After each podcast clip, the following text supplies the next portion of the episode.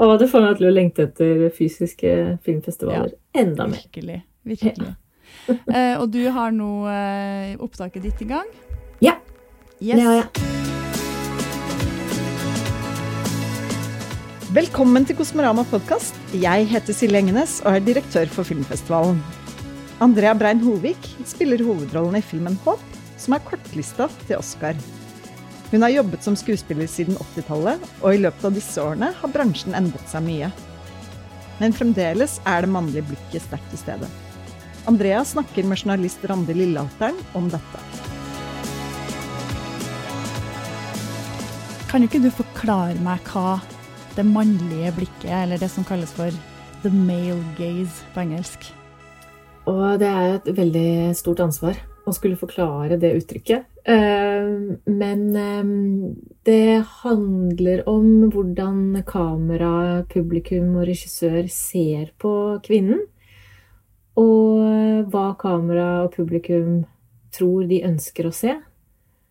Og at eh, og at der ligger det kanskje en sånn grunnleggende misforståelse og en veldig eh, patriarkalsk kultur i bånn. Som er veldig seigliva. Og the, male gaze kan også bli benyttet av kvinner, mener jeg, da.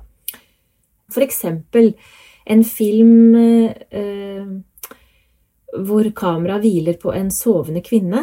Og det er akkurat, det, akkurat den filmen er på en måte bare representativ for veldig, veldig mange andre filmer. Men hvordan en sovende kvinne er dandert, hvis man begynner å tenke på det, så kan man jo bli helt sånn infiltrert av raseri. Og fordi ikke bare er hun alltid helt sånn bedøvende vakker der hun ligger og sover, men det er også hvordan dynen eller lakenet er drapert rundt kroppen hennes. Altså Man skal egentlig bare forklare søvn, eh, men pakker da inn masse erotikk og, og skjønnhet og male gaze i dette, da. Som er ganske vanlig. Men hva har du opplevd sjøl av sånne ting, da?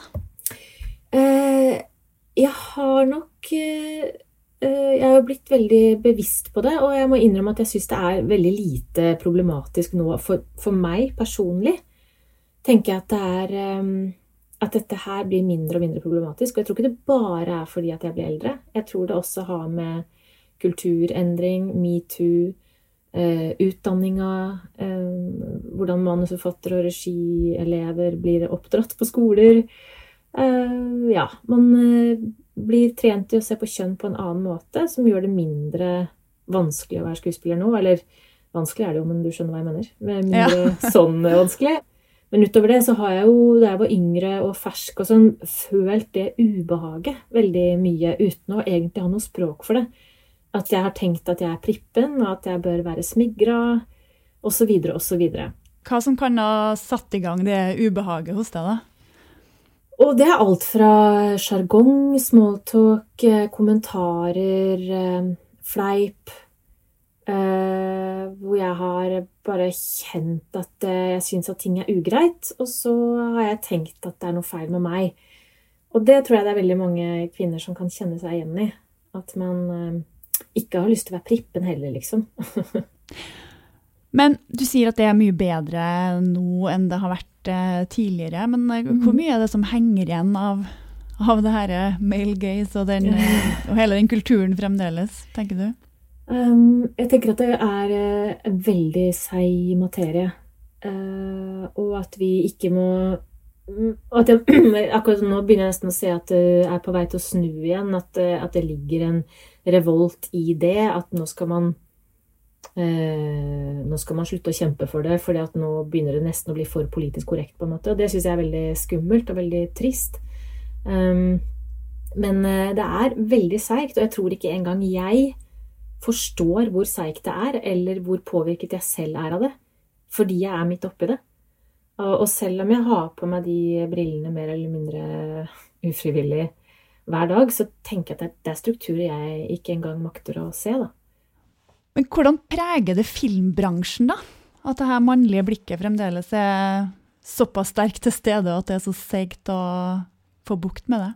Uh, nei, det, det er, jeg syns det er vanskelig å svare på det. Jeg, bare, jeg liker jo å fokusere på at jeg syns det er blitt så mye bedre. Og så, uh, Jeg har jo lyst til at vi skal slutte å tenke på kjønn, og at eh, jeg som kvinne skal få bli tilbudt utrolig sånn uh, politisk ukorrekte roller, da, eksempel. Ja. At, uh, at, vi skal bli kvitt uttrykket 'sterke kvinneroller'. Det er på en måte, det er liksom en sånn kampsak for meg at det, det uttrykket er like seigt som the male gaze, egentlig. Uh, det er bare nyere. Men at, at en kvinnerolle er sterk, at Ibsen at der er det sterke kvinneroller, så tenker jeg men man bruker jo ikke uttrykket mannerolle. Så vi må bare slutte med det. En, en rolle kan være mer eller mindre interessant eller, eller rik eller kompleks, men eh, en rolle er en rolle. En kvinnerolle høres ut som en sykdom. Mm, og det, det For det er jo også eh, Jeg får både jeg leser både manus hvor jeg tenker sånn Dette kunne blitt skrevet i 86, og at jeg blir litt sånn skuffa. Eh, og så kan jeg også eh, lese ting hvor det, hvor det på en måte i treatment eller i pitch står sånn Dette er en veldig sterk kvinnerolle. Eh, eller at det kan stå Dette er ikke en typisk eh, kvinne- og mor-rolle. Altså er det jo akkurat det det er. Men at, at eh, jeg bare Jeg gleder meg til vi blir kvitt alt dette her. At at jeg kan gjøre Portrettere dårlige kvinnfolk som gjør dårlige valg, og som ikke, ikke viser styrke på noe som et slags felt, f.eks. At det, det, er livet. Som Anita Lønstrup i en affære, da, som vil være et objekt hun, hun ønsker å la seg objektivisere. For der, i det så fins det masse oppmerksomhet. Og... Kan du ikke bare si to setninger av hva den filmen handler om? Mm. En affære handler om eh, Anita Lønstrup, som eh, etter mye lediggang eh, i et liv med rik ektemann begynner å jobbe som gymlærer. Blir veldig, veldig forelska i sin 16-årige elev. Og blir helt besatt av ham og klarer ikke å fokusere på noe annet enn det. Mm. Mm.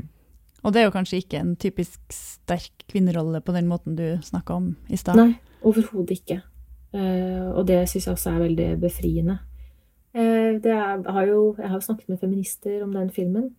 Sånne altså, Som er filmskapere, og jeg er også feminist. Men som blir liksom veldig skuffet over at, at jeg portretterer en sånn kvinne.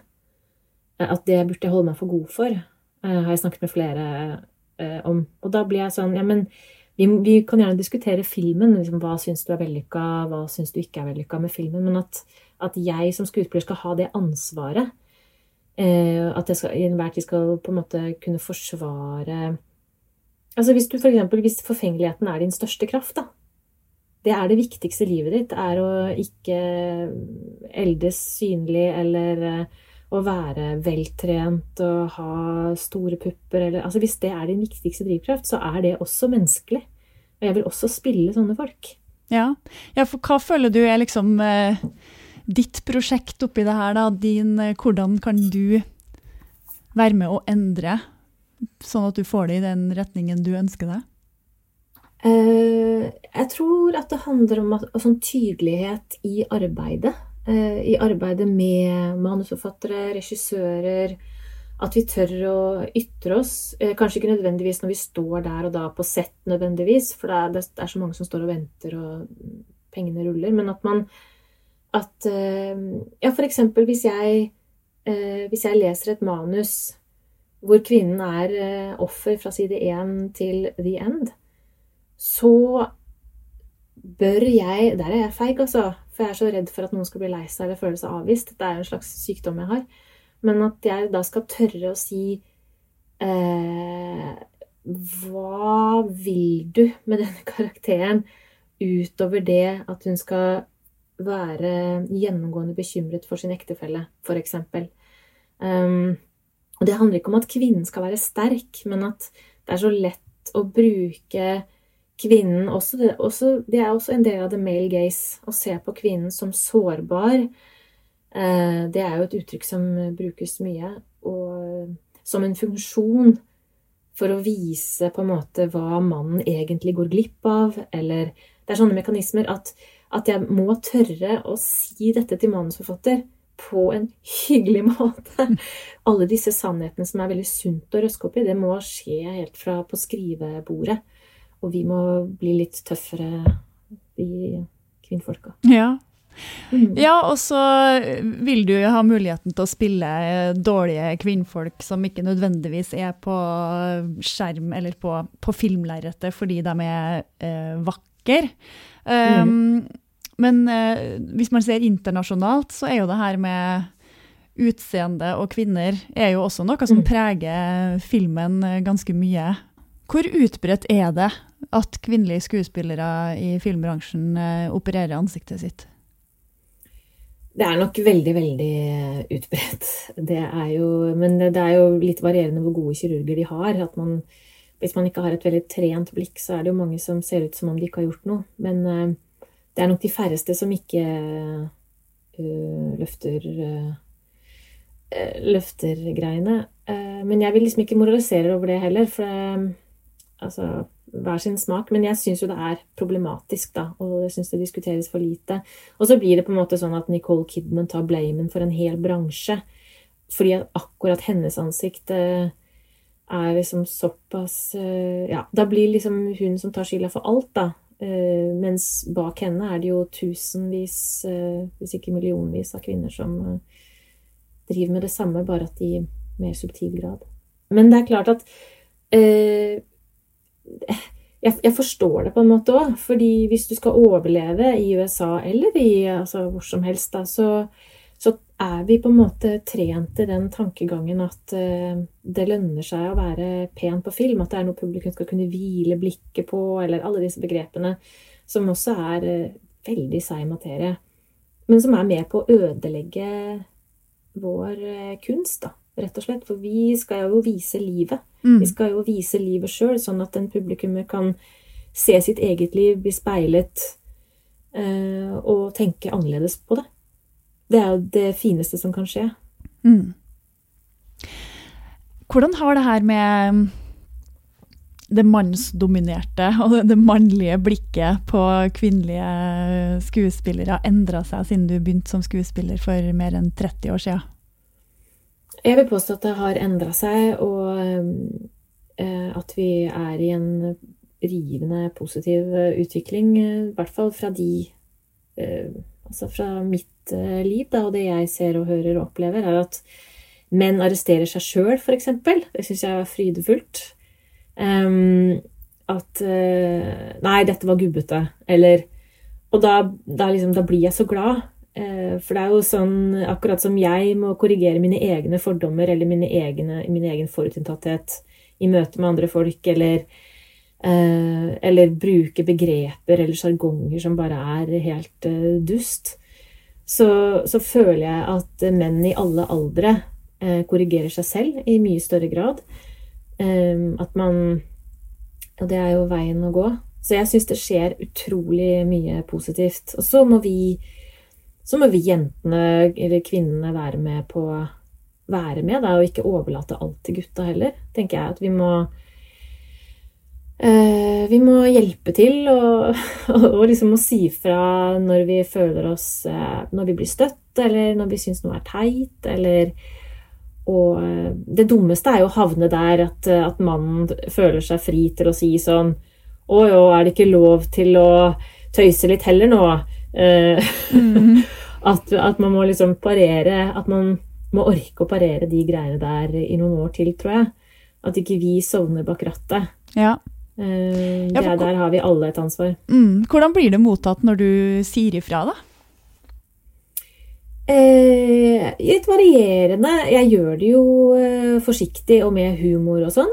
Eh, og noen ganger så kan en fleip fra meg starte en veldig kul samtale, eller det kan skape litt sånn Jeg vet ikke, himling med øya, sikkert. Eh, men nå, jeg, nå vet jeg at det er jo andre i min bransje som sikkert er enda strengere på en måte enn det jeg er, og som slår enda hardere ned på det.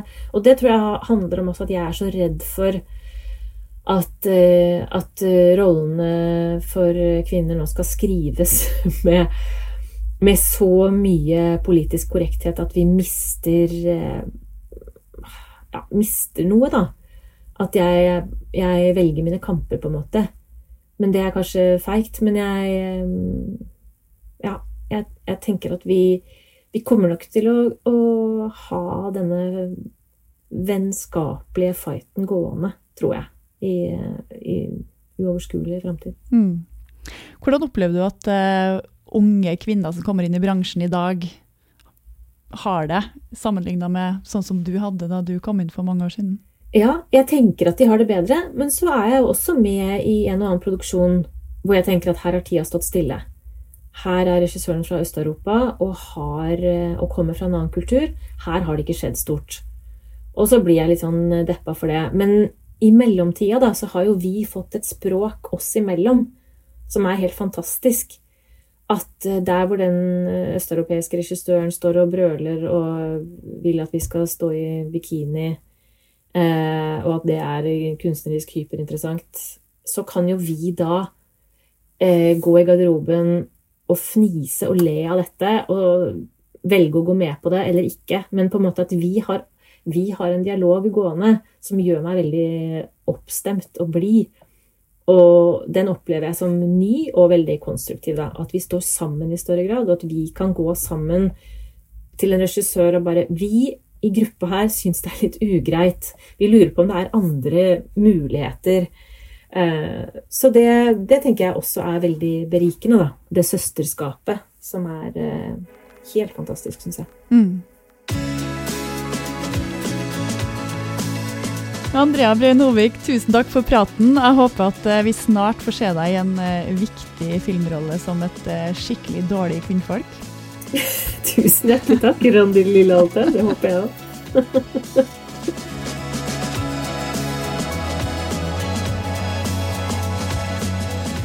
du har hørt Kosmorama podkast. Den er laget av historiebruket for Kosmorama og er støttet av Fritt Ord i anledning festivalens 8. mars-markering. I år er Kosmorama heldigitalt. Sjekk ut programmet vårt på kosmorama.no.